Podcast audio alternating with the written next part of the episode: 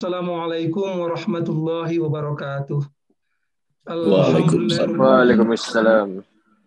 Alhamdulillah rabbil alamin wassalatu wassalamu ala asrofil anbiya'i wal mursalin wa ala alihi wa sahbihi ajma'in. Amma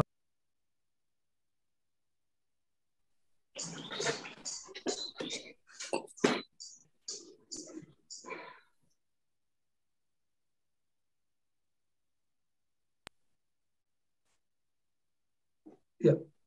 Yang kami hormati dan kami muliakan Ustadz Dr. Araji Hasim yang sengaja kita undang pada hari ini.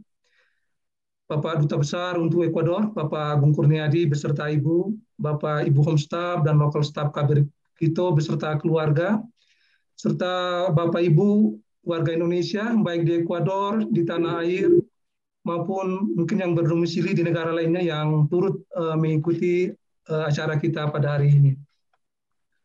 Puja dan syukur kembali kita panjatkan kehadirat Allah Subhanahu wa taala yang masih memberikan kepada kita semua kesehatan dan kesempatan sehingga pada hari ini kita masih bisa berkumpul dan bersilaturahim walaupun secara virtual untuk sama-sama mengikuti acara tausiah akhir pekan yang diadakan oleh KBRI Krito Ecuador. Untuk itu alhamdulillah eh, kita bersyukur eh, bersama kita saat ini telah hadir Ustadz Dr. Ar-Raji Hasim di mana di tengah-tengah eh, kesibukan beliau eh, masih dapat menyempatkan waktu kembali untuk memberikan tausiah kepada kita semua. Sekali lagi terima kasih Ustadz Dr. Araji Hasim. Ya, itu sebelumnya izinkan kami menyampaikan susunan acara kita pada hari ini yaitu yang pertama adalah pembacaan ayat suci Al-Qur'an sekaligus sari tilawah oleh nanti yang akan dibacakan oleh Bapak Indra, kemudian dilanjutkan dengan sambutan dari Bapak Duta Besar, Bapak Agung Kurniadi, ya, kemudian penyampaian tausiah oleh Ustadz Dr. Araji Hasim, dan keempat akan kita lanjutkan dengan sesi diskusi dan tanya, dan tanya jawab, kemudian uh, pembacaan doa dan uh, kenam adalah penutup. Baik, Bapak Ibu, mari kita mulai acara pertama kita, yaitu adalah Eh, pembacaan ayat suci Al-Quran sekaligus uh, sari tilawah oleh Bapak Indra. Uh, kepada Bapak Indra kami persilakan.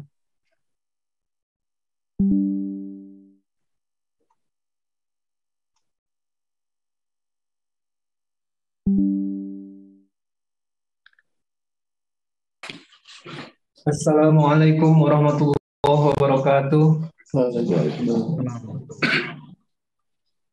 أعوذ بالله من الشيطان الرجيم. بسم الله الرحمن الرحيم. هو الله الذي لا إله إلا هو. عالم الغيب والشهادة. هو الرحمن الرحيم. هو الله الذي لا إله إلا هو. الملك القدوس السلام المؤمن المهيمن. المهيمن العزيز الجبار المتكبر. سبحان الله عما يشركون. هو الله الخالق البارئ المصور له الأسماء الحسنى. يسبح له يسبح له ما في السماوات والأرض. وهو العزيز الحكيم Quran surat Al-Hasyr ayat 21 sampai 23 Aku berlindung kepada Allah dari godaan setan yang terkutuk dengan menyebut nama Allah yang Maha Pengasih lagi Maha Penyayang. Dialah Allah, tiada Tuhan selain Dia yang mengetahui yang gaib dari yang nyata. Dia dialah Allah yang Maha Pengasih, Maha Penyayang. Dialah Allah, tiada Tuhan selain Dia, Maha Raja yang Maha Suci, yang Maha Sejahtera, yang menjaga keamanan, pemelihara keselamatan, yang Maha Perkasa, yang Maha Kuasa, yang memiliki segala keagungan, Maha Suci Allah dari apa yang mereka persekutukan. Dialah Allah yang menciptakan, yang mengadakan, yang membentuk rupa. Dia memiliki nama-nama yang indah. Apa yang di langit dan di bumi bertasbih kepadanya. Dan dialah yang maha perkasa dan maha bijaksana. Maha benar Allah dengan segala firman-Nya. Assalamualaikum warahmatullahi wabarakatuh. Waalaikumsalam warahmatullahi wabarakatuh. Sadaqallahul Terima kasih eh, Bapak Indra. Semoga dengan pembacaan ayat suci Al-Quran tadi menambah keberkahan dan keberkahan dari acara kita pada hari ini. Selanjutnya mari sama-sama kita ikuti sambutan dan pesan dari Bapak Duta Besar kita yaitu Bapak Agung Kurniadi. Bapak Bapak Duta Besar kami persilakan.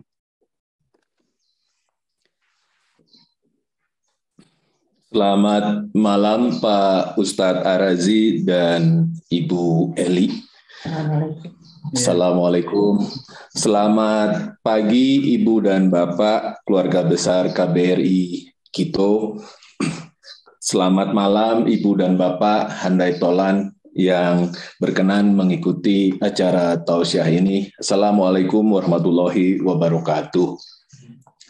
Yang pertama, kami ingin menyampaikan perasaan bahwa kami senang sekali Pak Ustadz bisa mendapat kesempatan bertatap muka langsung dan juga eh, dalam kesempatan ini untuk langsung uh, mendengarkan dan juga belajar untuk mendalami uh, Islam. Kemudian uh, yang ingin juga kami sampaikan bahwa pilihan waktu uh, pelaksanaan tausiah ini menjelang akhir tahun dan juga bertepatan dengan uh, perayaan hari besar agama lain ini semata-mata adalah hasil dari uh, apa namanya kesepakatan waktu antara kita dan terutama availability Pak Ustadz Arazi uh, tidak ada maksud lain uh, pilihan waktu seperti itu karena kita tahu persis uh, betapa sempitnya waktu luang uh, Pak Ustadz Arazi. Oleh karena itu uh, kami senang sekali uh, bisa mendapatkan kesempatan kali ketiga kalau tidak salah dalam tahun 2021 ini. Nah, uh, harapannya adalah Eh, kita bisa eh, mendengarkan dan juga mendalami langsung eh, apa-apa yang terkait mengenai masalah kehidupan dan juga masalah pelaksanaan ibadah. Hal lain, harapan pelaksanaan ini juga adalah sekaligus bersilaturahmi dengan handai tolan yang mungkin sudah lama tidak bertemu. Harapan berikutnya adalah semoga pertemuan di akhir tahun ini dengan Pak Ustadz bukan yang uh, terakhir, insya Allah uh, sambil mengikuti uh, channel-channel YouTube dan juga kesibukan Pak Ustadz, insya Allah uh, kita bisa uh, bertemu dalam waktu uh, segera. Demikian, Assalamualaikum warahmatullahi wabarakatuh. Waalaikumsalam warahmatullahi wabarakatuh. Terima kasih Bapak Duta Besar atas sambutannya. Baik Bapak Ibu, kita akan memasuki acara inti kita yaitu penyampaian tausiah oleh Ustadz Dr. Araji Hasim. Eh, saya yakin kita semua di sini sudah mengenal siapa beliau. Video-video ceramah Ustadz Dr. Araji Hasim banyak juga kita temuin di internet, lain di Facebook dan YouTube. Dan saya sendiri adalah termasuk salah satu follower Eh, dari akun beliau di sosial media eh, dan sering mengikuti uh, kajian-kajian dan dan uh, tausiah beliau melalui sosial media ini. Uh, namun demikian untuk uh, merefresh kembali uh, izinkan kami membacakan secara ringkas OCP atau kurikulum kita dari Ustadz Dr. Raji Hasim. Ustadz Dr. Raja Hasim lahir di Kota Tengah, Payakumbuh, Sumatera Barat pada 21 April tahun 1986. Beliau menempuh pendidikan SD sampai MTSN di Tanah Minangkabau, tepatnya di Payakumbuh, lalu berpindah ke Bukit Tinggi untuk melanjutkan pendidikan di Mandua, eh, Bukit Tinggi. Beliau menyelesaikan pendidikan S1 pada jurusan Akidah dan Filsafat di UIN Syarif Dayatullah. Beliau juga telah menyelesaikan pendidikan program S2 dan S3 di universitas yang sama. Pada tahun 2016 dan 2017, eh, beliau mendapatkan kesempatan untuk mengisi aktivitas dakwah dan seminar keislaman di KBRI Paris, KJRI Marcel, dan komunitas muslim lainnya di Prancis. Ustadz eh, Dr. Aradi saat ini bertugas aktif sebagai dosen pasca sarjana Institut Ilmu Quran Jakarta. Beliau juga adalah dosen ilmu kalam dan filsafat Islam di Fakultas Usuluddin Universitas Hidayatullah Jakarta dari tahun 2012 sampai 2019. Selain itu, beliau juga aktif sebagai pengajar atau pengampu kitab akidah Al-Sunnah dan Hadis Sunan An-Nasai dan Ibnu Majah di Darussunnah. Pada akhir 2018, beliau mendirikan Ribat Al-Nuraniyah di Tangerang Selatan, Tasus Ilmu Akidah Al-Sunnah dan Tasawuf. Baik, eh, Bapak Ibu, demikian eh, kami bacakan tadi secara ringkas eh, CV dari Ustadz Dr. Raja Hasim. Dan selanjutnya, mari sama-sama kita ikuti tausiah dari Ustadz Dr. Raja Hasim kepada Ustadz Dr. Raja Hasim, waktu dan tempat kami persilakan. Baik, Pak Parman. Assalamualaikum warahmatullahi wabarakatuh. Alhamdulillah Rabbil Alamin. Salatu wassalamu ala sayyidil awwalin, sayyidil akhirin.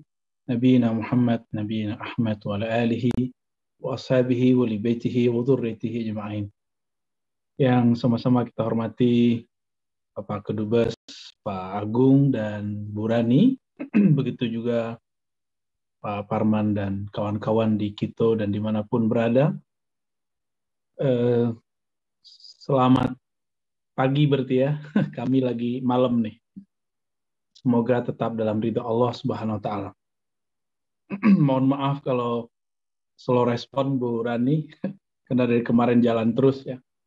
Dan uh, untuk ke depan bisa uh, kontak dengan Umi ya, insya Allah.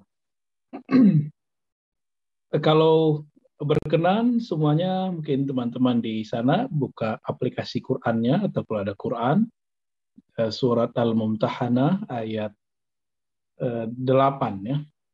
Ayat 8. Ini berkaitan dengan eh, kondisi kita hari ini di mana-mana ketika ada beda keyakinan, mungkin ada perayaan agama-agama tertentu dan ini tidak hanya untuk agama yang sekarang merayakan hari mereka, tapi juga untuk semua agama. Ya.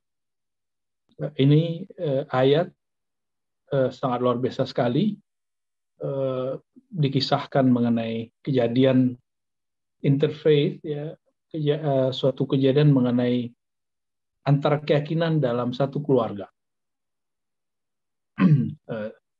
ayatnya berbunyi Bismillahirrahmanirrahim la yanhaakumullahu 'anil ladzina lam yuqatilukum fid din tidaklah Allah melarang uh, terhadap kamu uh, apa yang dilarang terhadap siapa dilarang terhadap orang-orang yang lam yuqatilukum fid din yang tidak memerangi kamu dalam persoalan agama walam yukhrijukum min diyarikum dan tidak mengusir kamu dari negerimu, kampungmu, negaramu. Antabarruhum. Apa yang tidak dilarang itu? Ada dua hal. Yang pertama, antabarruhum bahwa kalian berbuat kebaikan kepada mereka. Watuk situ ilaihim dan kalian berbuat adil terhadap mereka. Jadi ada dua poinnya. Bahkan disebutkan di situ innallaha yuhibbul muqsitin. Sesungguhnya Allah sangat mencintai orang-orang yang berbuat adil. Adil itu amalan para pemimpin, amalan para pejabat, amalan bahkan setiap pemimpin keluarga. Tapi apalagi seperti Bapak Ibu semua adalah orang-orang yang ditugaskan uh, di luar sana untuk memimpin uh, bangsa Indonesia yang di sana tentunya dan menjadi penyambung lidah kami di sana. Tentu uh, ada tugas juga di sana. Maka ayat ini dapat dijadikan sebagai modal, sebagai eh, kaedah dasar untuk kita bersikap dengan siapa pun. Ya. Jadi kalau boleh saya eh, mengatakan ini adalah ayat untuk para diplomat atau ayat ketika hidup eh, di negeri yang multi agama, interface antar keyakinan. Indonesia termasuk negara dengan segala macam dinamikanya adalah negara yang menurut saya paling berhasil dalam membangun keragaman yang luar biasa. Kita patut bersyukur. Betul di sana sini ada pergesekan karena maklum ini zaman sudah zaman demokrasi terbuka, siapa saja bisa berkomentar. Nah, maka saya sangat menyarankan untuk merenungi ayat ini lebih banyak lagi. di kalangan ulama-ulama besar seperti Syekh Yusuf Al-Qaradawi, Syekh Muhammad Sa'ir Ramadan Al-Buti, Al-Qaradawi dari Mesir, tinggal di Qatar. Al-Buti sudah wafat ya di Suria. Ada Syekh Ali Jum'ah di, di Mesir, ada Darul Ifta di Mesir, ada Syekh Ahmad Tayyib, Syekhul Azhar di Mesir, ada Al-Habib Omar di, di Hadramaut, dan ulama-ulama lain. Mereka menjadikan ini dalil bahwa uh, umat Islam tidak dilarang uh, mengucapkan sekedar selamat kepada non Muslim, kepada Eh, terutama ahlul kitab ya. Tapi fatwa ini kemudian ketika sampai di negeri kita menjadi kontroversi dan lumayan eh, hot ya, lumayan panas apalagi ketika salah satu ahli tafsir di dunia yang ada di Indonesia yaitu Al Habib Profesor Dr. Quraisy Shihab eh, mengedepankan menyampaikan pandangannya seperti guru-gurunya dulu di di Al Azhar bahwa boleh menyampaikan selamat Natal. Tapi saya berguru kepada uh, ulama lain yang punya fatwa lain, yaitu Allah Yarham Syekhuna Ali Mustafa Yakub yang dulu pernah memimpin Istiqlal dua periode. Beliau lama di Saudi dan beliau uh, berguru juga ke, sebelumnya kepada orang-orang Nahdiyin, Ahlu Sunnah, NU, Ki Idris Kamali, Syansuri, dan lain-lainnya, murid-murid daripada Hadratus Syekh Syekh Ma'asyari, pendiri eh, Nahdlatul Ulama. Lalu beliau belajar juga ke Saudi 9 tahun, di Riyadh uh, dan beliau cenderung bukan kepada fatwa ulama yang saya sebutkan tadi. Beliau cenderung kepada fatwa ulama Saudi yang melarang. Ya. Setelah saya kemudian telusuri, kenapa ada ulama yang membolehkan, kenapa ada ulama yang melarang. Ternyata ada uh, perbedaan penafsiran, perbedaan cara pandang. Ya, cara pandang ulama-ulama Saudi yang melarang mengucapkan selamat Natal itu uh, sangat dimaklumi. Kenapa? Karena mereka memandang bahwa mengucapkan selamat Natal itu eh, tidak hanya implikasinya kepada bab uh, hubungan sama manusia, tapi berkaitan dengan ibadah, bahkan tauhid. Uh, dalam pengertian bahwa kalau kita mengatakan, mengatakan selamat uh, Natal, hari lahir Isa, berarti kita mengatakan selamat hari lahir Tuhan. Nah, berdasarkan itu, ulama Saudi, Lajnatul Ifta, mereka mengatakan uh, mengucapkan selamat Natal itu bagian daripada uh, sesuatu yang syahadat tuzur, ya? syahadat persaksian yang bohong. Begitu dalam surah Al-Furqan. Tapi surah Al-Furqan itu uh, tidak eksplisit menyebutkan kata-kata me, mengucapkan selamat. Tapi itu adalah hasil penafsiran para ulama. Maka dalam bab ini ada kalau kita belajar dalil, dalil itu eh, teks yang dijadikan eh, panduan untuk eh, hukum. Hukum eh, dalil ini ada yang eksplisit, ada yang tidak. Ada yang eh, pasti, ada yang kemudian disamarkan. Dalam bab ini eh, terlihat bahwa masih disamarkan itu sebabnya kemudian uh, perdebatan jadi muncul. Bagaimana dengan ulama tadi yang saya katakan ulama Mesir, Suria, Hadramaut, uh, begitu saja ulama Mesir yang pindah ke Qatar mereka mengatakan itu boleh-boleh saja. Uh, mereka menganggap mengucapkan selamat Natal bukanlah bagian dari akidah. Nah, inilah kemudian yang saya katakan bahwa ulama-ulama besar kita memang mereka sudah biasa berbeda. Tapi maklum orang awam bahkan ulama yang mungkin bukan ahli fatwa menganggap perbedaan ini eh, mengganggu. Mereka maunya satu saja. Bagi saya itu tinggal pilihan kita mau memilih yang mana. Jika kita mengedepankan bab akidah, bab tauhid, maka fatwa Saudi sangat relevan untuk kita. Berarti kita tidak mengucapkannya. Dan itu juga tidak ada masalah ya. Dan yang kedua, apabila kita menganggap ini bagian dari muamalat, muamalat berarti hubungan sesama manusia yang tidak ada implikasi akidah dan ibadahnya, maka fatwa dari beberapa ulama dan negara tadi ini banyak sekali ya Suriah, Hadramaut, Qatar, Mesir, dan lain-lainnya, eh, sepertinya relevan untuk kita.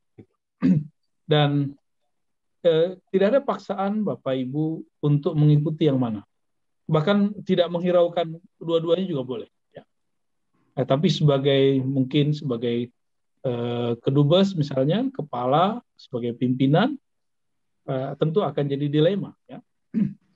Apa yang akan eh, dilakukan. Ya Sebenarnya mereka orang-orang non-muslim, orang-orang Katolik, Kristiani juga tidak butuh kita ucapkan selamat. Lalu aneh kenapa kita harus ribut? Tapi sebagai seorang pemimpin, tentu ini menjadi hal yang penting. Oleh karena itu, eh, saya punya pandangan khusus mengenai untuk para pemimpin, jika tidak merasa ragu dan bisa memilih salah satunya, silakan diikuti. Ya. Nah, tapi jika ragu, ya lebih baik kemudian diam dan tidak melakukan apa pun. Ya. Eh, kembali kepada ayat ini. Ya. Ayat ini sangat jelas sekali mengatakan bahwa Allah tidak melarang kita untuk berbuat baik kepada orang-orang yang berbeda keyakinan selama mereka punya dua kriteria. Satu, tidak memerangi kita dalam persoalan agama, dan yang kedua, tidak mengusir kita dari negeri kita. Dan dua kriteria ini sepertinya uh, sangat relevan untuk banyak negara dan barangkali Ekuador salah satu negara yang mungkin masih ya.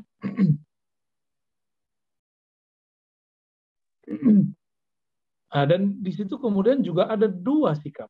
Antabarruhum kalian boleh berbuat baik kepada mereka wa tuqsitu ilaihim dan bersikap adil kepada mereka. Nah, saya sebenarnya tidak berminat dengan perdebatan-perdebatan, tapi eh, fatwa-fatwa uh, satu arah selalu muncul di setiap tahun. Maka kewajiban kami yang mempelajari dalil-dalil, fatwa-fatwa adalah menyampaikan fatwa apa adanya. Bukan untuk mengacaukan awam, tapi ingin mencerdaskan, mendewasakan orang-orang awam. ya uh, Kita semua tentunya. Bapak Ibu yang bukan Allah, ini ayat sangat luar biasa sekali. Allah bahkan mengatakan sangat cinta kepada orang yang berbuat adil. Baikkah itu kepada sesama orang yang seiman ataupun tidak seiman. Jika benar agama kita uh, dari Allah, apabila memang agama kita ini valid benar dari Allah, maka kita akan menjadi uh, khalifah-khalifah Allah, agen-agen dari nama-nama Allah yang indah. Allah punya nama Al-Adl, yang maha adil. Maka tentu kita juga akan eh, menularkan keadilan itu. Allah itu menyebut dirinya muksid, ya, itu lebih rapi lagi. Maka kita juga mesti akan membagikan sikap yang uh, keadilan kepada orang yang berhak menerima, meskipun mereka bukan uh, Muslim. Ayat ini turun ada asbabun nuzul. Jadi apabila hadis mempunyai konteksnya, ada hadis-hadis tertentu mempunyai konteks. Konteks terjadi hadis itu disebut asbabul wurud. Asbab wurud datang hadis. Adapun ayat, jika ayat suatu ayat turun karena ada satu kondisi, maka ini disebut asbab nuzul. Sebab nuzul, nuzul artinya turun. Kita sering nyebut nuzul Quran, ya. Dulu ada seorang ibu namanya Kutailah. Ibu Kutailah ini ama anak dari seorang pemimpin orang-orang musyrik di Mekah namanya Abdul Uzza. Kutailah ini adalah salah satu istri daripada Sayyidina Abu Bakar As-Siddiq. Di saat Abu Bakar As-Siddiq masuk Islam, dia tidak masuk Islam. Maka terjadilah perceraian antara mereka. Uh, dari Kutailah ini uh, Sayyidina Abu Bakar mempunyai anak namanya Asma binti Abi Bakar. Jadi ini adik lain ibu uh, Sayyidatuna Aisyah. Jadi Aisyah punya adik tapi beda ibu, namanya Asma. Ya. Asma ini didatangi oleh ibunya dari Mekah datang ke Madinah, lalu membawa uh, banyak hadiah. Uh, tapi saat itu belum ada ketentuan hukum bagaimanakah sikap orang-orang beriman di Madinah terhadap orang-orang kafir atau musyrik yang yang dulu pernah memerangi mereka jika mereka datang. Maka Asma tidak langsung menerima semua hadiah dan juga tidak langsung menerimanya sebagai tamu, tapi Asma kemudian meminta uh, saudara tirinya, uh, saudari tirinya, Sayyidatuna Aisyah untuk bertanya kepada Nabi SAW. Setelah bertanya langsung turunlah ayat ini.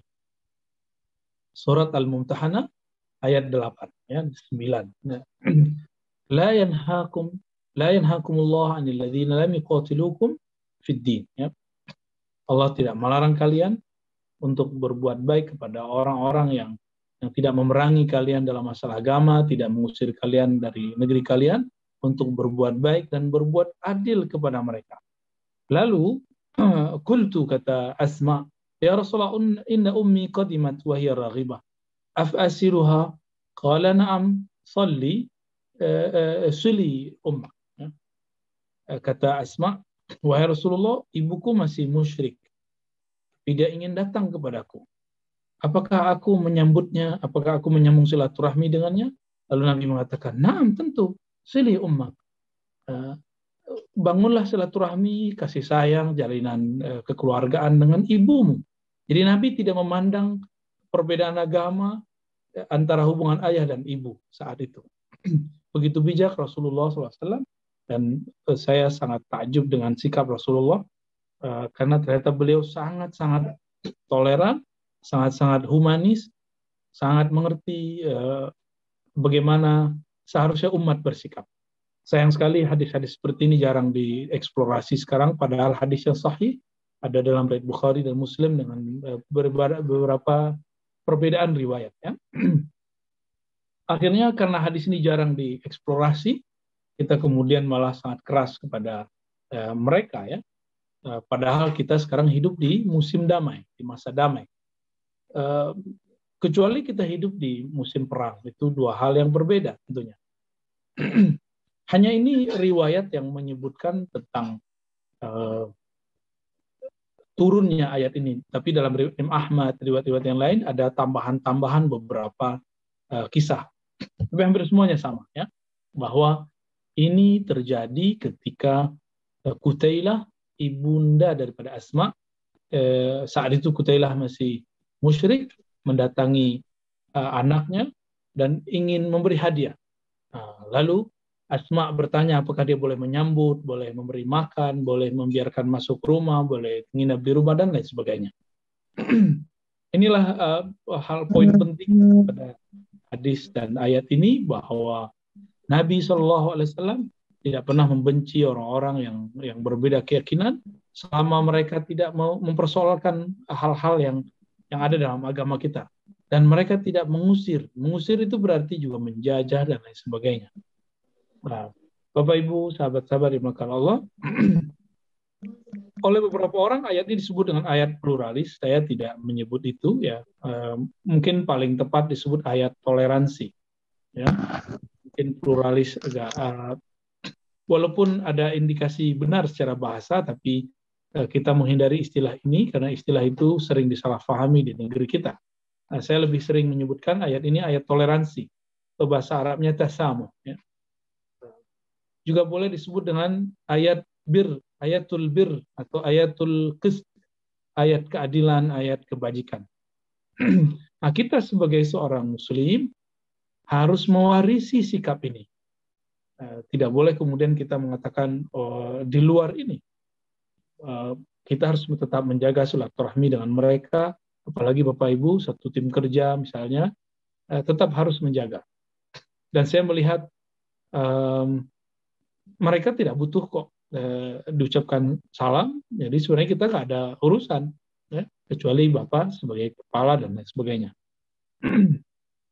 Itu uh, yang pertama yang mau saya sampaikan. Yang kedua, yang hendak mau saya sampaikan, dalam sejarah uh, Natal, Natal itu bahasa Arab uh, artinya maulid. Tapi maulid itu bukan maulid Nabi SAW, Nabi Muhammad, tapi itu maulid Sayyidina Isa. Uh, ada beberapa versi bahwa Nabi Isa tidak lahir tanggal 25 Desember. Di Koptik misalnya di Mesir dikatakan tanggal 6 atau 7 Januari. Juga ada yang ortodok menyebutkan tanggal-tanggal yang lain. Hal yang sama terjadi eh, dalam perdebatan mengenai kelahiran Nabi Muhammad SAW. Saya menemukan ada sekitar tujuh riwayat mengenai Nabi Muhammad itu lahir kapan, gitu ya. Ada menyebut bulan Ramadan, bulan Rajab, bulan Syaban, bulan Muharram, bulan uh, Rabiul Awal dan lain sebagainya. Uh, semua itu menunjukkan bahwa eh, jangankan di agama sebelah ya di agama kita tentang kelahiran Nabi tanggalnya juga diperdebatkan. Yang tidak diperdebatkan cuma satu hari bahwa Nabi dilahirkan pada hari Senin. Nabi ditanya mengenai puasa hari Senin apa kata Nabi? Daka yaumun fi. Itu hari Natalku. Kira-kira begitu kalau diterjemahkan secara harfiah. Maka Maulid Natal itu cuma beda bahasa. Mereka uh, Maulid bahasa Arab kita. Di dalam uh, bahasa Arab, jadi ini mungkin Bapak Ibu yang sudah belajar bahasa Arab karena diplomat saya yakin pasti belajar bahasa Arab. Uh, mereka menyebutnya bukan Natal tapi uh, Milad al-Masihi. Maka uh, tahun Masehi itu bahasa Arabnya Milad al-Masihi lahirnya Masihi. Uh, Masihi yaitu Isa al-Masih. Apa pandangan kita mengenai Sayyidina Isa yang mereka sebut Yesus ya? Disebut Yesus karena mereka uh, pakai bahasa Romawi, orang Romawi tidak bisa menyebutkan kata Isa uh, di belakang. Mereka harus menambahkan uh, tambahan seperti us ya, ya, ya, Yesus ya dan tidak bisa membaca i di depannya. Nah, apa pandangan kita tentang Nabi Isa? Bapak Ibu yang makan Allah, kita beriman kepada apa semua para nabi, termasuk Nabi Isa alaihissalam. Nabi Isa eh, yang kita yakini berbeda eh, sejarah eh, dengan yang mereka yakini. Bagi mereka, Sayyidina Isa disalib. Bagi kita, Nabi Isa tidak disalib. Tapi Nabi Isa diangkat berdasarkan uh, beberapa ayat Al-Qur'an bahwa Allah mengatakan eh, aku mengangkatmu ya rafi'uka ilayya aku mengangkatmu ya aku mewafatkan eh, mewafatkan di situ bukan mewafatkan mati tapi mewafatkan artinya menyempurnakan misinya eh, sampai umur 33 tahun nah ini banyak eh, kita lihat penafsirannya nah, Bapak Ibu mungkin bisa lihat surat 3 ayat 55 ya Idh qala idh qala Allahu ya Isa surat 3 surat 3 ayat 55. Ingatlah ketika Allah berkata kepada Isa, "Ya Isa, inni mutawaffika." sesungguhnya aku menyempurnakanmu, mewafatkanmu, mewafatkanmu artinya menyempurnakanmu. Warafi'uka ilayya. Dan aku mengangkatmu e, kepadaku. Umutahhiruka. Dan aku mensucikanmu minalladzina kafaru. Daripada orang-orang yang kafir. Waja'ilul ladzina taba'uka fauqal ladzina kafaru ila yaumil qiyamah. Dan menjadikan orang-orang yang mengikutimu e, di atas orang-orang yang kafir sampai hari kiamat. Jadi orang-orang yang mengimani Nabi Isa uh, derajatnya lebih tinggi daripada orang kafir. Tuma ilayya marji'ukum ya. Lalu kepadakulah tempat kembali kalian fahkum bainakum fima kuntum fihi takhtalifun. Dan pengikut Nabi Isa itu yang disebutkan di sini Orang-orang yang ikut Nabi Isa hanya ya, kita yang kita sebut Hawari. Hawari ini jumlahnya 11 atau 12 orang. Hanya mereka yang disebutkan dalam Al-Quran ini uh, derajatnya lebih tinggi daripada orang-orang kafir sampai kiamat. Disebut Hawariyun.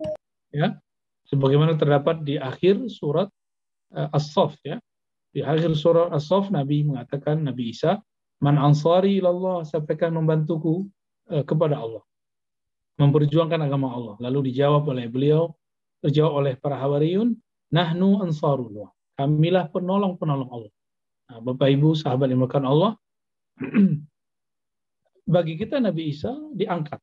Bagi mereka Nabi Isa disalib.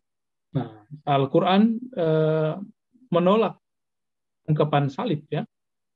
Wama salabuhu ya. Ada ada ayatnya. Tidaklah mereka menyalib eh, Nabi Isa. Eh, dan kemudian dalam pengertian kita Nabi Isa itu sampai sekarang masih hidup ya bagi kita Nabi Isa sampai sekarang masih hayun ya, masih masih hidup karena yang disalib saat itu itu adalah orang atau sosok yang diserupakan dengan Nabi Isa ini bisa kita lihat dari surat uh, An-Nisa ayat 157 ya. Wa qawlihim inna qatalna al-masiha Isa ibna Maryam Rasulullah. Mereka mengatakan kami telah membunuh Masih Isa bin Maryam Rasul Allah. Lalu Allah mengatakan wa ma qataluhu. Mereka belumlah membunuhnya. Wa ma salabuhu. Mereka juga tidak menyalibnya. Walakin syubbiha lahum. Tetapi hanya diserupakan kepada mereka. Ya, Nah, wa innal ladzina ikhtalafu fihi la fi syakkin min. Dan orang-orang yang ikhtilaf berselisih mengenai hal itu, mereka dalam syak mengenai Sayyidina Isa, mengenai penyalibannya, pembunuhannya. Malahum bihi min ilmin illa tiba'azan. Mereka tidak mengikut, mempunyai satu pengetahuan kecuali hanya terka-terka, ya, tebak-tebakan. Wa ma qataluhu yaqina. Dan benar-benar mereka tidak membunuh mereka. Ya. Bal rafa'ullah Allah ilaih. Tapi mereka, eh, tapi Allah mengangkat Sayyidina Isa eh, kepadanya. Ini ayat 157, 158 dari surat eh, An-Nisa. Nah, berdasarkan ini semua, eh, kita selalu berbeda. Jadi, jadi kita nggak bisa memaksakan eh, bahwa konsep kita tentang Sayyidina Isa memang berbeda dengan konsep mereka. Nah, Nabi SAW menyadari hal itu. Maka Nabi Wasallam tetap bersikap kepada mereka dan menjadikan mereka sebagai ahlul kitab. Ahlul kitab ini juga terbagi dua. Ada yang monoteism menyembah satu Tuhan, ada yang menyembah lebih daripada satu Tuhan, satu sembahan. Ya. Berdasarkan ini Bapak Ibu yang bukan Allah, kita tidak bisa juga memaksakan uh, pandangan teologis, pandangan keagamaan kita kepada mereka, Sebagaimana mereka juga tidak mungkin akan memaksakan pandangan mereka terhadap uh, kepada kita semua. Ya. Yang perlu dilakukan adalah uh, saling memaklumi. Ya. La ikraha fid din, sebagaimana dikatakan dalam Al-Quran, surat Al-Baqarah ayat 256, uh, eh, tidak ada paksaan dalam agama. Bahkan dalam surah Al-Kafirun, lakum dinukum waliyadin. Bagimu agamamu dan bagiku agamaku. Ya. ayat-ayat ini menunjukkan ketegasan keyakinan sikap kita kepada non muslim ya uh, tapi ketegasan ini bukanlah dalam rangka menyakiti mereka juga bukan dengan dalam rangka untuk uh, kita ini tidak toleransi dengan mereka itu pendirian kita ya nah, inilah yang pandangan dari ulama-ulama di Al Azhar ulama-ulama di Darul Ifta Eh, bahwa kita bermaksud kalau mengucapkan selamat Natal itu selamat kelahiran Isa anak Maryam, bukan Isa anak Allah. Tapi ini menjadi perdebatan panjang. Guru saya, dua guru saya berbeda pendapat. Yang pertama uh, Profesor Ali Mustafa Yaakob, yang kedua Profesor Quraisy Shihab. Dua-duanya uh, mempunyai argumen yang sangat kuat. Ya, semua ini berpulang kepada kita.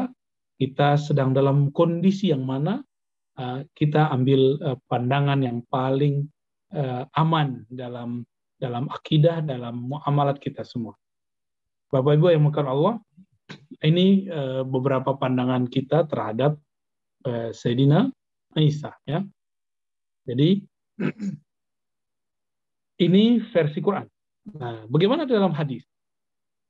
Karena di Quran dikatakan Allah mengangkat Nabi Isa, di dalam hadis ada tambahannya bahwa ternyata Nabi Isa akan turun di akhir zaman. Ini tidak dapat dipastikan kapan turunnya, tapi besar kemungkinan kalau umur kita panjang dalam waktu yang tidak lama lagi. Ya. Karena eh, secara umur umat, umur umat kita sudah sangat tua ya. Sudah sangat udah udah 1440-an ya. Sudah sangat tua. Biasanya satu umat itu paling berumur 1000 tahun, 1500 eh, dan kita sudah sudah hampir sempurna. Uh, lalu mungkin ada yang bertanya, kalau Nabi Isa turun, apakah ia membawa syariatnya atau ikut syariat Nabi Muhammad SAW. Nabi Muhammad SAW mengatakan, La Nabi ya ba'di. Tidak ada lagi Nabi setelah aku. Maksudnya, jika ada Nabi turun setelahku, pangkatnya bukan lagi sebagai Nabi. Pangkat eh, jabatan eh, di sisi Allah, dia sebagai wali. Meskipun dia seorang Nabi, tapi tugasnya tugas kewalian. Dan ini terlihat bahwa jadinya Aisyah ketika turun Eh, dan waktu itu mau sholat subuh, lalu beliau dipersilakan jadi imam dan beliau tidak mau menjadi imam. Ya, nah ini menunjukkan bahwa ketika Nabi Isa turun, beliau tidak membawa ajaran baru. Maka orang-orang yang menjadikan ini riwayat hadis mengenai turun Nabi Isa bahwa orang-orang Islam harus ikut eh, Yesus ini tidak benar. Ya.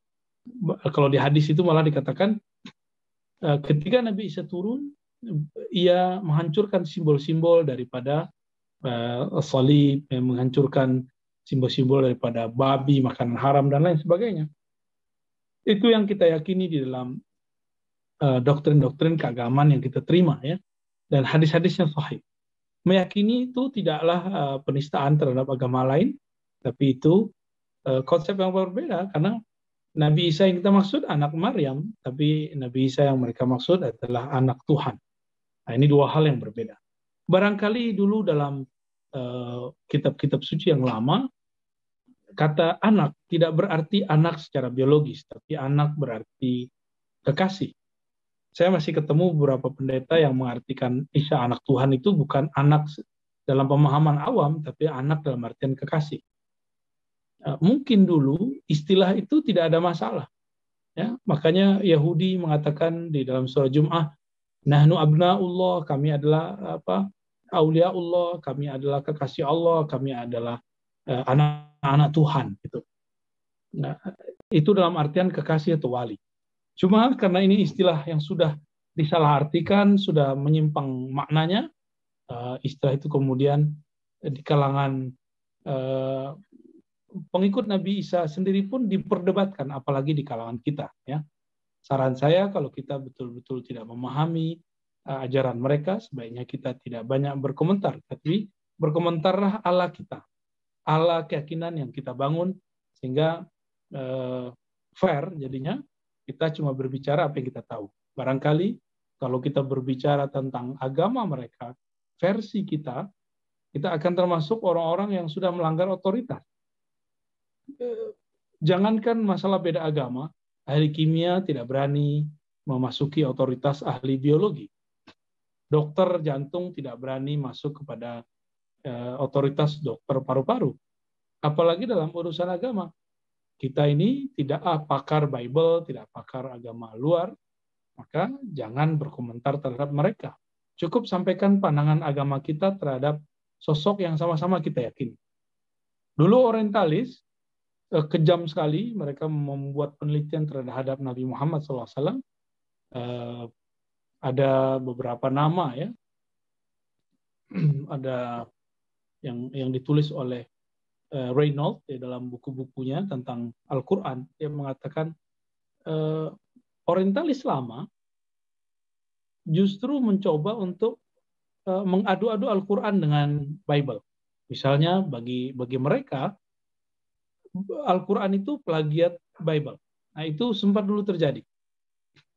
Kenapa? Uh, karena ada kesamaan tokoh, kesamaan tempat antara Al-Quran dan uh, Bible. Dan lebih dulu Bible. Tapi zaman itu sudah selesai, zaman kelompok-kelompok orientalis ekstrim yang mereka mencoba menyerang agama Islam ketika mereka uh, melakukan misi di negara jajahan. Sekarang mereka sudah mengganti nama menjadi istilah lain, tidak lagi disebut orientalis, menyebut diri mereka dengan revisionis. Revisionis dalam artian uh, sesama peneliti saling merevisi, saling mengkritisi. Jadi Mereka tidak lagi berhadapan face to face dengan ilmuwan Muslim atau teolog Muslim, tapi mereka berhadapan dengan sesama mereka. Jadi kritik, saling mengkritik terhadap penelitian beberapa ayatnya. Saya memperhatikan karya-karya mereka sangat baik. Bapak Ibu yang bukan Allah, ini mungkin sisi seriusnya. Ya. sisi santainya bahwa Nabi Isa Nabi yang umurnya waktu beliau wafat itu 33 tahun. Ya. Mungkin boleh diatur suaranya Pak Parman. Nabi Isa ketika beliau diangkat oleh Allah umurnya 33 tahun lebih beberapa bulannya. Artinya beliau sangat muda sekali. Sangat muda sekali. Maka nanti jika ia turun, nah ya, kalau dalam hadis Nabi dikatakan bahwa Sayyidina Isa sekarang berada di langit kedua. Karena Nabi waktu itu bertemu Nabi Isa di langit kedua. Dan Nabi Isa dalam bentuk yang yang tidak berubah. Ya. Ini ada rahasianya. Kenapa Nabi Isa eh, dipersiapkan oleh Allah kemudian untuk tinggal di langit kedua? Padahal perjalanan ke sana itu sangat berat sekali. Ternyata eh, ibundanya Sayyidina Isa sudah sering memakan buah-buah surgawi yang dikirim oleh Sayyidina Jibril. Ya. Kalau eh, kita melihat di dalam Al-Quran itu, eh, Sayyidina Zakaria ketika ia merawat Maryam, ya, merawat Maryam, setiap kali hendak menghantarkan makanan, Ternyata di depan Maryam, di mihrab Maryam sudah ada makanan. Lalu uh, Sayyiduna Zakaria bertanya, Anna laki hadha? Ya. Uh, dari mana engkau mendapatkan rezeki ini? Lalu kata Maryam, Qalat huwa min indillah. Ini dari sisi Allah langsung. Inna Allah yarzuku man yasha bighairi hisab. Allah uh, memberi rezeki siapa pun yang dia mau sesukanya tanpa hisap. Ini disebutkan dalam surat 3 ayat 37 ya. Bahwa Nabi Yuna Isa itu punya ibu yang memakan makanan langsung dari Allah, tidak dari buah-buah bumi. Inilah kemudian apabila kita kaitkan eh, jika Maryam hamil, maka bayinya eh, ternutrisi dari gizi-gizi yang sangat murni. Itulah yang membuat tubuh Nabi Isa sampai sekarang masih bertahan. Ya. Itu juga dulu membuat kenapa Nabi Adam tidak pernah uh, terlihat tua meskipun ia sudah lama di bumi. Karena Sayyidina Adam ia pernah memakan buah-buah di surga. Ya. Nah, ini sisi uh, sisi lain daripada Nabi Isa. Maka ketika ia nanti turun, ia seperti orang yang berumur 33 tahun padahal umurnya sudah dua ribuan tahun. Jika sekarang eh, 2021, benar Pak Parman? 2021 ya. Sebentar lagi 2022, berarti umur Nabi Isa sudah sekarang ini sudah 2022 tahun. Kita bisa bayangkan berarti 20 abad. Uh, berdasarkan teori umur umat, ini perdebatan ulama dulu di Mesir sangatlah banyak. Uh, umur umat itu 2000 tahun. Uh, maka ini sudah ujung daripada umur Nabi Isa, juga ujung daripada umur umat Nabi Muhammad Wasallam. Ya, saya nggak tahu itu bagian santainya atau bagian menakutkannya ya. Tapi insya Allah itu yang bisa kita ambil poinnya bahwa nanti ia akan turun dan dia akan mengikuti syariat Nabi Muhammad Sallallahu Alaihi Wasallam. Lebih kurang itu yang bisa saya sampaikan Pak Dubes, Pak Agung, Pak Parman, Bapak Ibu yang melakukan Allah. Ya. Gak tahu nih agak serius atau gimana nih ya. Wallahu alam.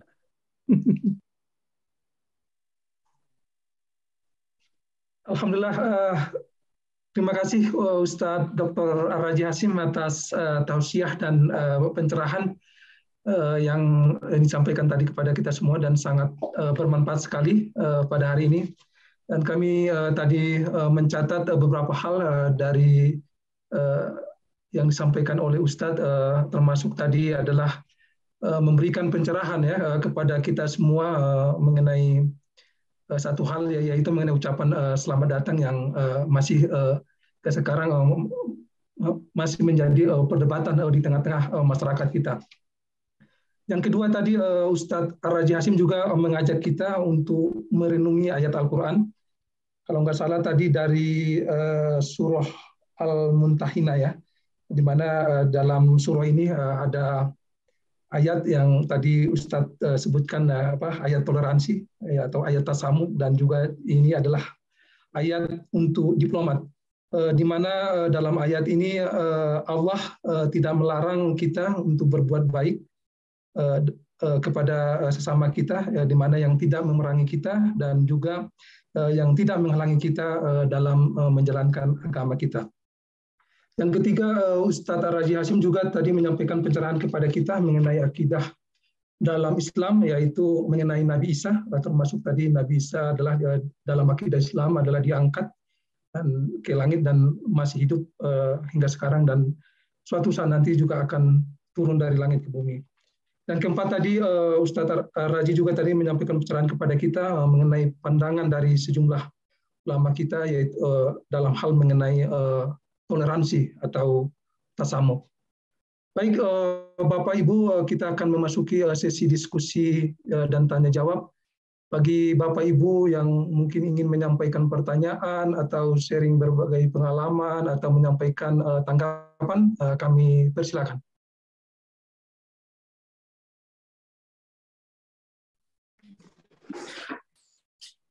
Ya, Bapak Ibu kami persilakan.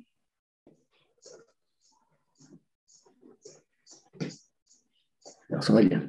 Assalamualaikum. Assalamualaikum. Oh. Ya.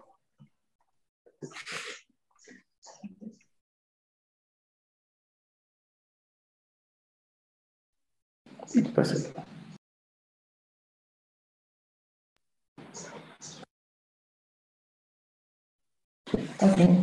Assalamualaikum warahmatullahi wabarakatuh. Waalaikumsalam.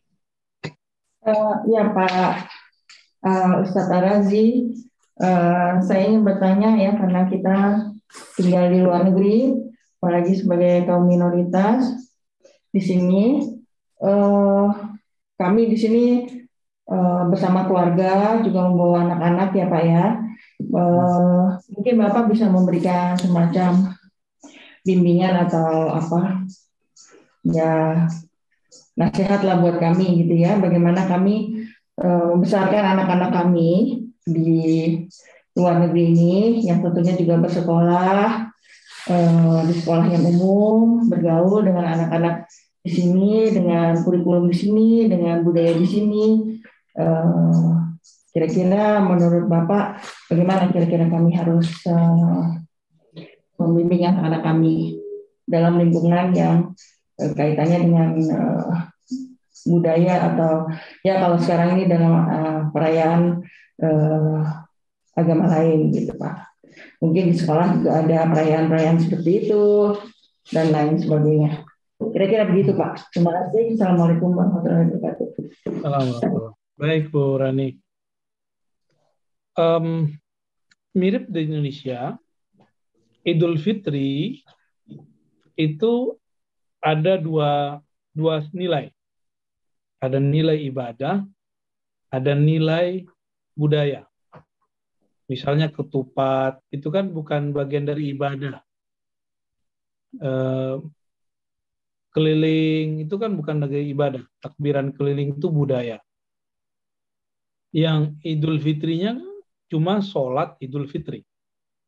Mudik itu bukan bagian daripada ibadah ya tapi itu bagian dari budaya saya yakin di setiap agama ini terjadi ya ketika kita bertugas di uh, Prancis itu kan terlihat uh, misalnya akhir tahun begini mohon maaf ya orang Prancis uh, menurut saya sangat sangat kering dalam agama mereka uh, sudah jauh dari gereja ya mungkin uh, Pak Agung karena pernah bertugas di sana sangat paham maksud saya gereja-gereja sangat sepi sekali tapi 25 Desember itu menjadi budaya. Jadi semacam kayak hari raya, hari raya rakyat. Eh, mereka menyebutkan Merry Christmas dan segala macam, tapi secara substansi eh, mereka tidak ada betul-betul keinginan menjalani syariat Islam, eh, syariat apa hukum yang mereka pelajari di gereja. Ya nggak jauh beda lah dengan orang kita nggak pernah puasa, nggak pernah sholat, mungkin sholatnya sesekali, tapi Idul Fitri datang duluan. Ya, mirip-mirip seperti itu. Atau uh, mungkin dia uh, mungkin juga tidak sholat Idul Fitri, tapi silaturahminya Masya Allah. Di kampung istrinya Pak Kedubes, Bu Rani, itu eh, kita kalau silaturahmi hari raya itu lama sekali, bisa sebulan. Ya. meskipun nggak sholat, nggak puasa, itu nggak ada urusan. Yang penting kalau hari raya, silaturahim, kasih hadiah, makan di rumah yang kita datangi dan lain sebagainya. Apa maksud saya? Apabila yang dimaksud eh, seperti event-event seperti ini hanya berdasarkan budaya dan tidak ada nilai ibadahnya, maka kita masih bisa toleransi anak-anak kita, kita awasi saja dengan ketat, tidak usah eh, dilarang mutlak. Tapi apabila uh, sudah berkaitan dengan ritual, sudah berkaitan dengan uh, keyakinan, maka hindari. Ya. Sama dengan pertanyaan ada beberapa zaman nanya, gimana dengan voucher Natal? Saya tanya balik ke teman itu, voucher Natal itu ibadah atau muamalat? Dia jawab sendiri, kalau kamu anggap ibadah, berarti kamu haram mengambilnya. Tapi jika kamu menganggap itu muamalat, hukum sesama manusia, transaksi bisnis, itu tidak masalah. Ya, eh, yang jualan cendol waktu berbuka juga ada yang non Muslim. Ya, eh, cendol berbuka kan gitu. Tapi yang buat non muslim atau sebaliknya. Apalagi di mall-mall, mall ini kan cuma ngikutin selera eh, apa hari raya besar karena agama-agama banyak di negeri kita itu banyak sekali pas agama apa, eventnya apa dan segala macamnya. Jadi saran saya di eh, mungkin Bapak Ibu agak jeli melihat perbedaan itu. Jangan terlalu cepat untuk menyimpulkan, tapi perhatikan baik-baik. Kira-kira begitu, Wallahu a'lam bishawab. Hmm. Terima kasih Ustadz Raji atas pencerahannya dari pertanyaan dari Ibu Rani tadi. Oh, selanjutnya kami melihat di kolom chat ada pertanyaan dari Pak Satya dan juga dari Ibu Idar dari Prancis. Eh, Pak Satya, pertanyaannya adalah, uh, mohon izin saya akan saya bacakan saya memiliki eh, pertanyaan dari Pak saja adalah eh, saya memiliki pertanyaan seputar toleransi beragama. Apa yang sebaiknya kita lakukan sebagai umat Muslim yang memiliki teman yang berencana untuk keluar dari agama Islam untuk memeluk agama lain? Apakah sebaiknya dibiarkan saja atau ada saran lain? Kemudian eh, pertanyaan dari Ibu Ida dari Prancis adalah pertanyaannya akan saya bacakan. Eh, saya ingin bertanya apakah ada toleransi untuk makanan yang dihidangkan non-muslim berupa daging yang tidak disembelih secara Islam. Terima kasih. Baik. Uh, yang pertama, apa sikap kita terhadap saudara kita atau sahabat kita, teman yang uh, berkeinginan convert ke agama lain, ya. Fenomena ini fenomena bagi saya fenomena yang eh, ada dua kacamata ya. Satu sisi menyedihkan, satu sisi itu memang program semua agama. Tidak ada agama kecuali dia punya misi untuk eh, kecuali Yahudi ya untuk mengajak orang ke agamanya. Sisi, sisi sedihnya berarti kita eh, belum berhasil menunjukkan me, me, memberikan perwajahan Islam yang agama yang ideal kepada mereka sehingga mereka convert dari agama kita. Ya. Tapi di sisi lain ini juga pelajaran bahwa jangan-jangan kita ini eh, misinya kurang kurang kuat. Agama sebelah itu mereka sangat kuat dalam misi. Ya. Mereka dakwah, kita nyebutnya dakwah. Dakwah mereka sudah sangat eh, lentur dan bisa menyesuaikan keadaan Jangan-jangan kita masih kaku dengan eh, dengan Allah kita. dan menjadi musibah di tengah umat, di tengah para pendai, bahkan sebagian yang diklaim ulama, mereka tidak membedakan antara budaya dan agama. Akhirnya, orang yang berbeda budaya dengan dia dianggap sudah melanggar agamanya. Nah ini kadang-kadang membuat trauma beberapa orang untuk keluar dari agama Islam. Bahkan tidak hanya Islam, agama apa saja. Kita sering juga mendengar ada art, eh, apa public figure mungkin artis kali ya. Eh, cuma karena masalah sepele, masalah model pakaian padahal sudah menutup aurat, kemudian si suami yang katanya eh, beragama kuat itu mentalak istrinya lewat sosial media. Ini kan tidak tidak islami walaupun dia mengatakan dia Islam. Tapi bagi seorang perempuan yang menjadi korban saat itu, mungkin dia dibully, maka dia ingin menunjukkan sikap frontal dia dan kecewa dia kepada Islam atau orang yang beragama Islam. Akhirnya dia murtad, dia convert. Bagi saya ini kegagalan kita menunjukkan wajah Islam yang santun, wajah Islam yang dulu Nabi ajarkan. Bayangkan uh, Abu Sufyan ditanya oleh uh, Kaisar Romawi, adakah umat Muhammad yang murtad? Ketika di Mekah, bukan di Madinah ya. Di Madinah ada yang munafik. Kalau munafik tidak disebut muslim. Jadi ketika dia kemudian berkhianat itu tidak disebut murtad. Sedangkan waktu di Mekah, Abu Sufyan ditanya, adakah umat Muhammad yang murtad? Apa jawaban Abu Sufyan? Abu Sufyan belum masuk Islam saat itu. Tidak, wahai Tuan Kaisar. Tidak ada satupun mereka yang eh, keluar. Maka ini sisi ketiga yang perlu kita sadari dan itu kemudian menjadi PR kita bersama apabila ada orang yang comfort keluar dari agama Islam, agama-agama yang mulia ini, agama tauhid, sangat sangat rasional, akhlak yang diajar pun juga sangat baik, lalu keluar. Berarti iman dia belum masuk sampai ke dalam kolbunya. Ya, baru masuk kepada zon eh, persepsi. Baru kepada asumsi. Ke rasionalitas akal pun belum masuk dia belum beragama secara sadar dengan akal pikirannya.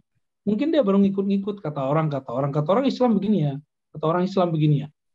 Uh, dia akhirnya kecewa dengan kata orang, kata orang, sikap orang, dan tidak menemukan sendiri. Di satu sisi ada juga yang anak apa yang terkenal dia mualaf cerai dengan pasangannya, tapi dia kemudian tidak comfort, tidak tidak murtad, Berarti si orang ini ketika dia masuk Islam, dia Islam dengan sadar. Islam dengan akal pikirannya. Dan kata Kaisar Romawi, orang yang masuk Islam dengan kesadaran keruhaninya itu tidak akan pernah keluar lagi dari Islam. Nah itu yang uh, perkataan Kaisar Romawi ketika Heraklius uh, ketika berdialog dengan uh, Abu Sufyan. Yang kedua uh, mengenai makanan daging ya yang yang disembelih untuk di wilayah Prancis, nah ini kita beruntung, eh, daging yang halal itu ada dua. Daging yang disembelih oleh Muslim atau Yahudi. Itu boleh dimakan. Ya, kalau yang Nasrani saya masih meragukannya. Ya. Allah alam. Terima kasih Ustadz Raji atas uh, pencerahannya dari pertanyaan uh, Pak Satya dan dari Ibu Idar tadi. Selanjutnya kami lihat uh, di sini Ibu Rina dari Paris uh, ingin menyampaikan pertanyaan. Kepada Ibu Rina kami persilakan.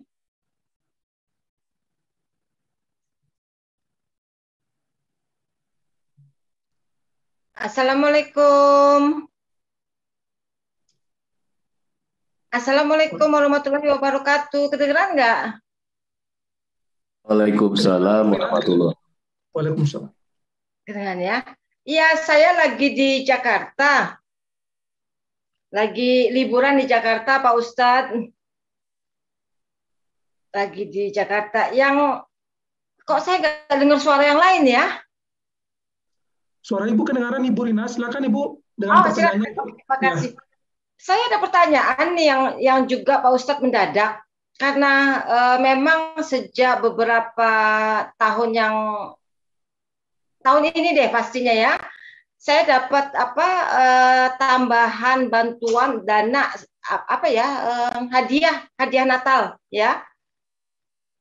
hadiah Natal dari pemerintah dikirimin, saya nggak tahu apakah karena saya kerjaannya kurang termasuk uh, perempuan yang jam kerjanya kurang.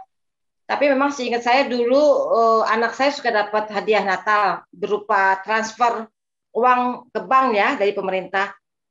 Itu bagaimana ya uh, Pak Ustadz? Karena saya baru baru baru terakhir-terakhir ini mikir gitu ya, apakah halal atau bagaimana?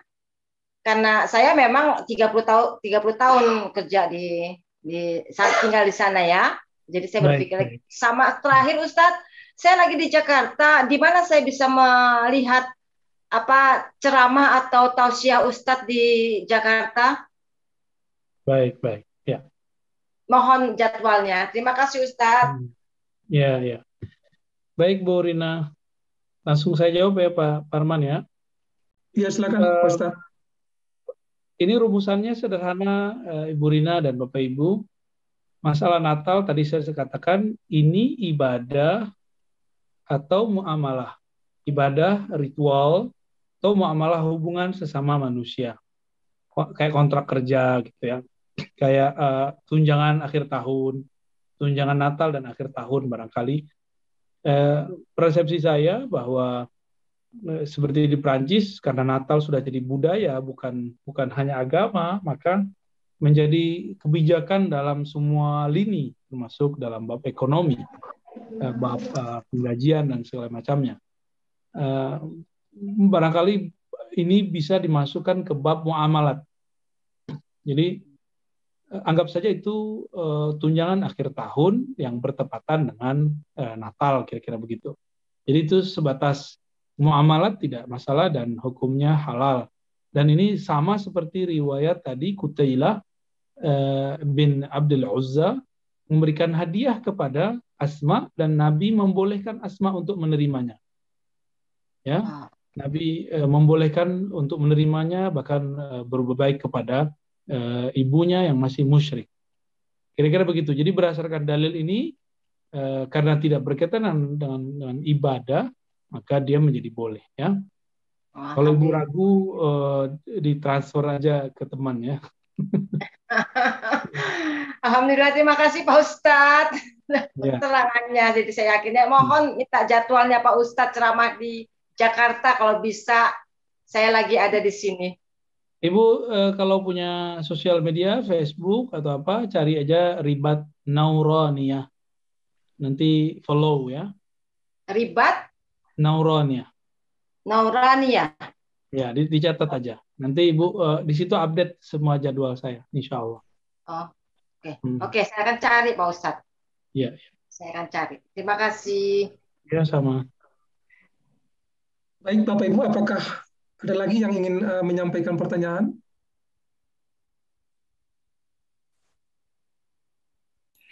Pak Parman, boleh sedikit saja Pak Parman? Oh ya, silakan Bu Ella. Assalamualaikum warahmatullahi wabarakatuh. Terima kasih. Waalaikumsalam warahmatullahi wabarakatuh, Bu Ella. Terima kasih banyak undangannya Pak Dubes, Bu Rani. Pak Ustadz, satu saja, Pak Ustadz sedikit saja, menanggapi tadi kaitan antara apa perayaan Natal dengan budaya begitu ya. E, ketika saya masih bertugas di Quito, Pak Dubes, mohon izin saya sedang kurang sehat, jadi saya off cam. Uh, Ekuador sebagai negara yang mayoritas penduduknya adalah Katolik, jadi tahun pertama saya bertugas di Quito, saya penasaran sekali. Ingin tahu bagaimana situasi Natal di Ekuador. Jadi, kebetulan kami waktu itu uh, sedang ada kegiatan oh no, sedang karena libur jadi kita keluar kota sedikit. Nah, di situ saya perhatikan bahwa ternyata di negara yang mayoritas Katolik seperti Ekuador sama sekali tidak tidak terlihat nuansa Natal yang kental gitu ya. Saya melihat uh, nuansa Natal yang kental itu justru ketika kita berada di tanah air. Saya kemudian bertanya-tanya kepada teman-teman.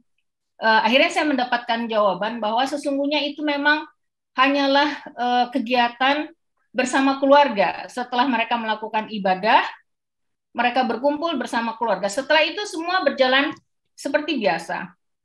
Di pusat-pusat perbelanjaan juga tidak terlihat situasi yang sangat meriah seperti Natal di tanah air misalnya. Kemudian memang uh, saya berpikir apakah di Indonesia ini dengan uh, jumlah penduduk yang sangat besar dengan pluralisme yang juga sangat kental ini menjadi satu lahan industri yang besar uh, bagi uh, apa namanya pengusaha-pengusaha kita memanfaatkan momen-momen Natal ini. Itu pertama. Yang kedua, saya ingin menanyakan kepada Ustadz, bagaimana sebetulnya e, memberikan pemahaman kepada masyarakat kita? Karena kalau kita perhatikan misalnya e, masyarakat kita, saya tidak menyebut siapa, tapi banyak di antara kita, mungkin saya juga masih berada di posisi itu, menganggap budaya itu sebagai bagian dari agama itu sendiri. Misalnya kita berfoto saja, dengan menggunakan atribut-atribut Natal dengan atribut-atribut semacam topi Santa misalnya, itu bisa menimbulkan satu perdebatan yang luar biasa di antara teman-teman kita misalnya. Eh lu nggak boleh foto begitu, itu kan bagian dari agama mereka. Sementara itu kan sebetulnya seperti Ustadz tadi sampaikan, hanyalah bagian dari budaya, bukan bagian dari ritual, sangat jauh dari ritual. Nah, uh, Ustadz dalam hal ini sebagai yang memiliki keahlian untuk ini, memiliki kedekatan dengan umat, sebetulnya bagaimana uh, cara yang bisa kita lakukan untuk memberikan pemahaman sedikit saja kepada teman-teman kita untuk tidak memandang semua yang terkait dengan uh, apa namanya Natal misalnya sebagai bagian dari agama gitu. Terima kasih Ustadz. Baik. Ya, terima kasih uh, referensinya tadi. Tapi mungkin uh, kalau tadi cerita Bu Rani atau Bu Rina tadi juga di Prancis, ada yang berbeda tentunya. Apalagi di Vatikan ya, tentu berbeda lagi. Um, Ekuador mungkin beda lagi ya. Indonesia beda lagi. Indonesia ini kan uh, jangan, jangan kemudian kita menganggap apa yang terjadi di Indonesia ini buruk. Apa yang terjadi di negeri kita ini semuanya uh, masalah gitu. Enggak juga ya. Yang di Indonesia ya Indonesia. Kita enggak kemudian menjadikan standar satu negara lain menjadi uh, untuk menilai negara kita. Enggak saya juga tidak seperti itu ya apa yang terjadi di negeri ini ya itu kejadian di negeri kita. Kita enggak kemudian mengukurnya dengan negara lain. Agama agama yang ada di Indonesia itu betul-betul diberikan kesempatan meskipun mereka minoritas. Dan itulah hebatnya eh, pemimpin-pemimpin muslim kita dari masa ke masa. Mereka betul-betul ngalah.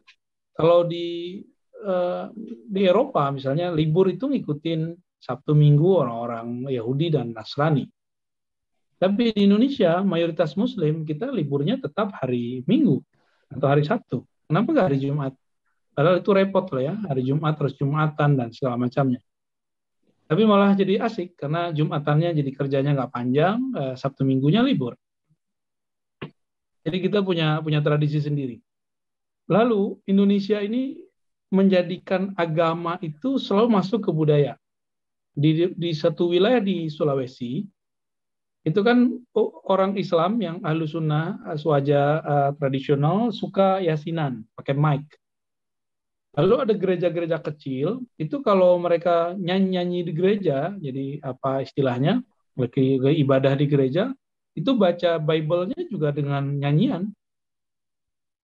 Mirip-mirip, jadi eh, ada semacam eh, perlombaan gitu. Kalau orang Islam baca Yasinnya kencang, kenapa kami nggak bisa? Kalau mereka orang Islam solawatan, kenapa kami nggak bisa? Gitu.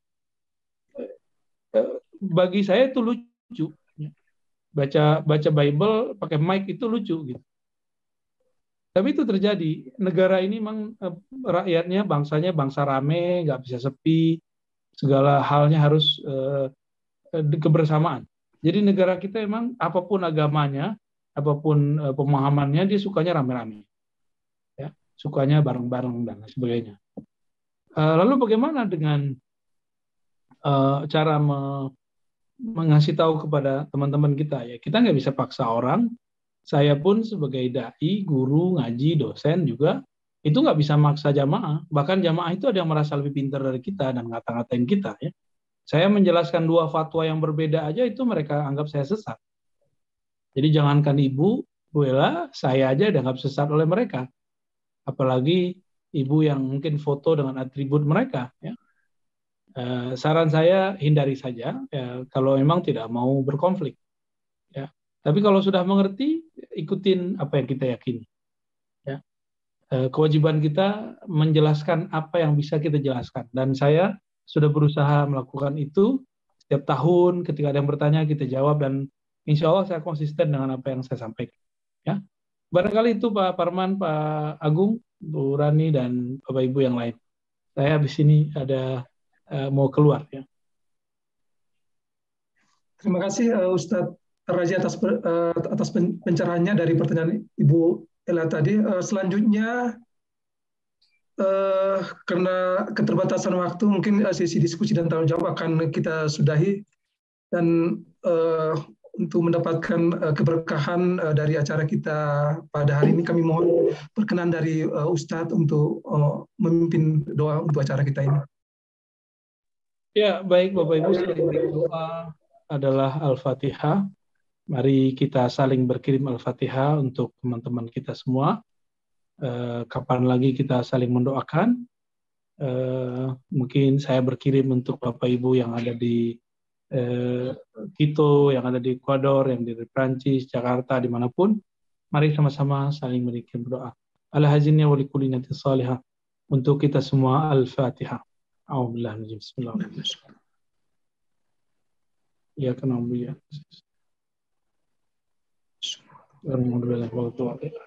Semoga Bapak Ibu eh, dimuliakan Allah selalu, dalam ridha Allah selalu, dijaga, karena jauh dari negeri, sedang merantau, semoga dalam ridhonya, lingkungannya. Amin ya Rabbal Alamin. Amin. Salam dari kami dan Assalamualaikum.